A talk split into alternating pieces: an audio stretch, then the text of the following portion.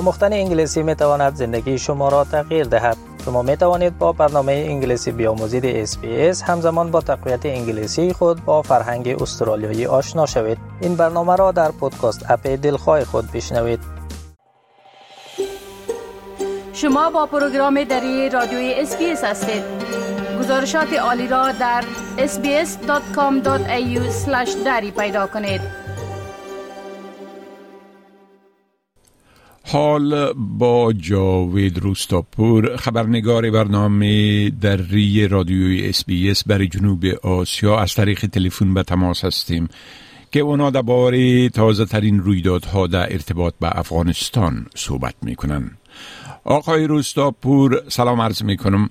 خب گزارش ها میگه که طالبا ها معلم کودکستان ها و شیرخوارگاه ها را برکنار کردن. میشه که در این باره یک مقدار تفصیلات بتین؟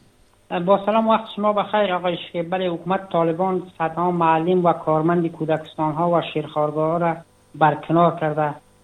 تعدادی که ارائه شده 460 تن از معلمین و کودکستان های شیرخارگاه دولتی است که در چوکات برخی وزارتخانه و ادارات دولتی ای افراد کار می‌کردند. در یک مکتوبی که وزارت کار امور اجتماعی طالبان بر ریاست های عمومی کودکستان های دولتی در افغانستان فرستاده آمده که وظایف 469 تن از افرادی که شامل فهرست یک فهرست یک زمینه هم به این مکتوب افزوده شده به این مکتوب درد شده که از تشکیلات وزارتخانه ها باید حذف شوند شماری از آموزگاران و معلمین و کارمندان کودکستان ها و شیرخوارگاه گفتن که اقدام طالبان ضربه بسیار محکمی به اقتصاد خانواده از او و اونا تنها ناناور خانواده بودن و با معاش اندک که از این بخش می گرفتن می‌تونستن که تکافو اقتصادیشان را کنند اما ظاهرا معلوم می‌شد که این ممنوعیت طالبان تنها کودکستان های دولتی را در بر نمی‌گیرد بلکه کودکستان های خصوصی هم نیز مسدود شدن و برخی از کارمندان کودکستان های خصوصی در کابل و چند ولایت دیگر گفتند که از طرف طالبا برای از هشدار داده شد. دروازه کودکستان هایتان را ببندین و چندین کودکستان در بلخ روز گذشته مسدود شدن و مسئولین و مالکین که کودکستان ها شکایت کردند که دروازه کودکستان هایشان را بستند. واکنش ای است که طالبان دست به اقداماتی می‌زنند که سبب می‌شد وضعیت اقتصادی در افغانستان بدتر شد و کسانی که کار دارند حتی خانمایی که در خانهشان نانآوری دیگری ندارند کاری اینا را ازشان گرفتن و این مسئله سبب بدتر شدن این وضعیت اقتصادی می‌شد بله خب در پهلوی برکنار کردن صدها معلم کودکستان و شیرخارگاه ها گفته میشه که حکومت طالب با زنا را هم به حیث متصب در قالب وزارت در چوکات وزارت امر به معروف و نهی از منکر مقرر کردن. بله. دقیقا این تازه ترین موردی است که طالبان برای ریاست های امر به معروف خود در ولایت های مختلف افغانستان منتصبین مرد و زن استخدام کردند. در اعلامیه این وزارت آمده که وظیفه آنان اصولا تذکر برای رعایت امور شرعی است. اما زنان از برخورد ماموران امر به معروف همواره شکایت داشتن و همچنان مردم که اینا تنها نصیحت و وضع نمی‌کنند بلکه در بسیاری موارد برخوردشان خشین است.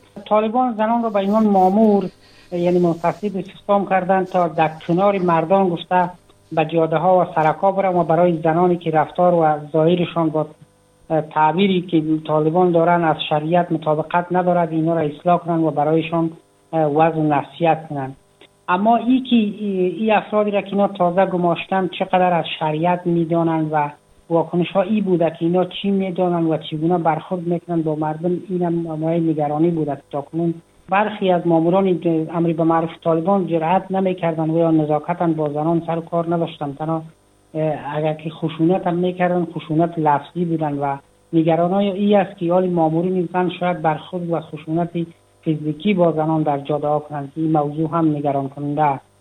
بله خب همچنان گزارش شده که طالبا چند قریه را در پنجشیر تخلیه کردن و علتش هم مسائل امنیتی بوده. بله.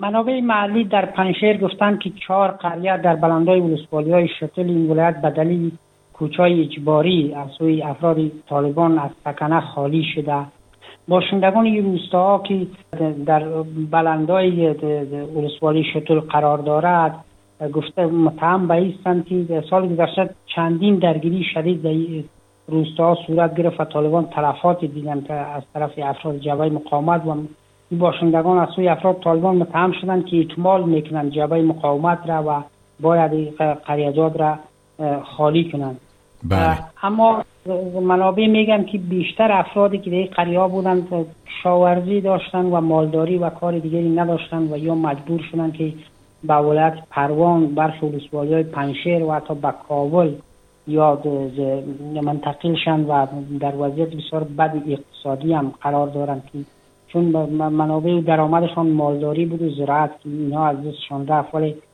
طالبان تا کنون در پنشیر به صورت رسمی در این مورد ابراز نظر نکردند ولی یکی از مسئولین ولایت پنشیر که نخواستن نامش فاش شد و روزنامه اطلاعات روز گفته که اکثری باشندگان این روستاها در راستای امنیت اخلال می‌کردند و اینا مشکل ایجاد می‌کردند که باید این مناطق را این مناطق جنگی و خط جنگ است. از یک طرف گفته که به خاطر که تلفات نبینن این روستا را ترک کردن و از طرف دیگه به دلیل از اینکه مشکل ایجاد می‌کردن به دونه موقت یا را گفته که به جای دیگه منتقل کردن. بله خب گفتم میشه که محدودیت های بر مراسم آشورا از جانب طالبا وضع شده. اگر به صورت بسیار خلاصه لطفا در ای باره معلومات بتین بله در آستانه فرارسیدن ماه محرم منابع رسانه ها گفتند که طالبان از شیعان خواستند که از نصب داربست و پرچم های بزرگ مذهبی در سطح شهر خودداری کنند.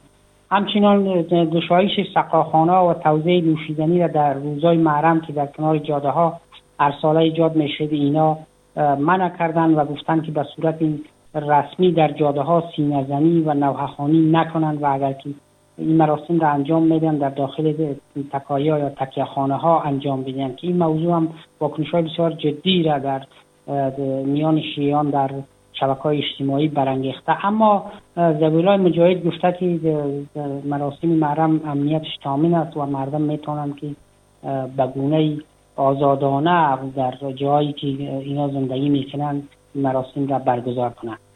بله خب بسیار تشکر از این معلوماتتان آقای روستاپور. و فعلا شما را به خدا می سپارم و روز خوش برتان آرزو می کنم وقت شما هم خوش خدا حافظ ناصرتان. بپسندید شریک سازید و نظر دهید. اسپیس دری را در فیسبوک تعقیب کنید.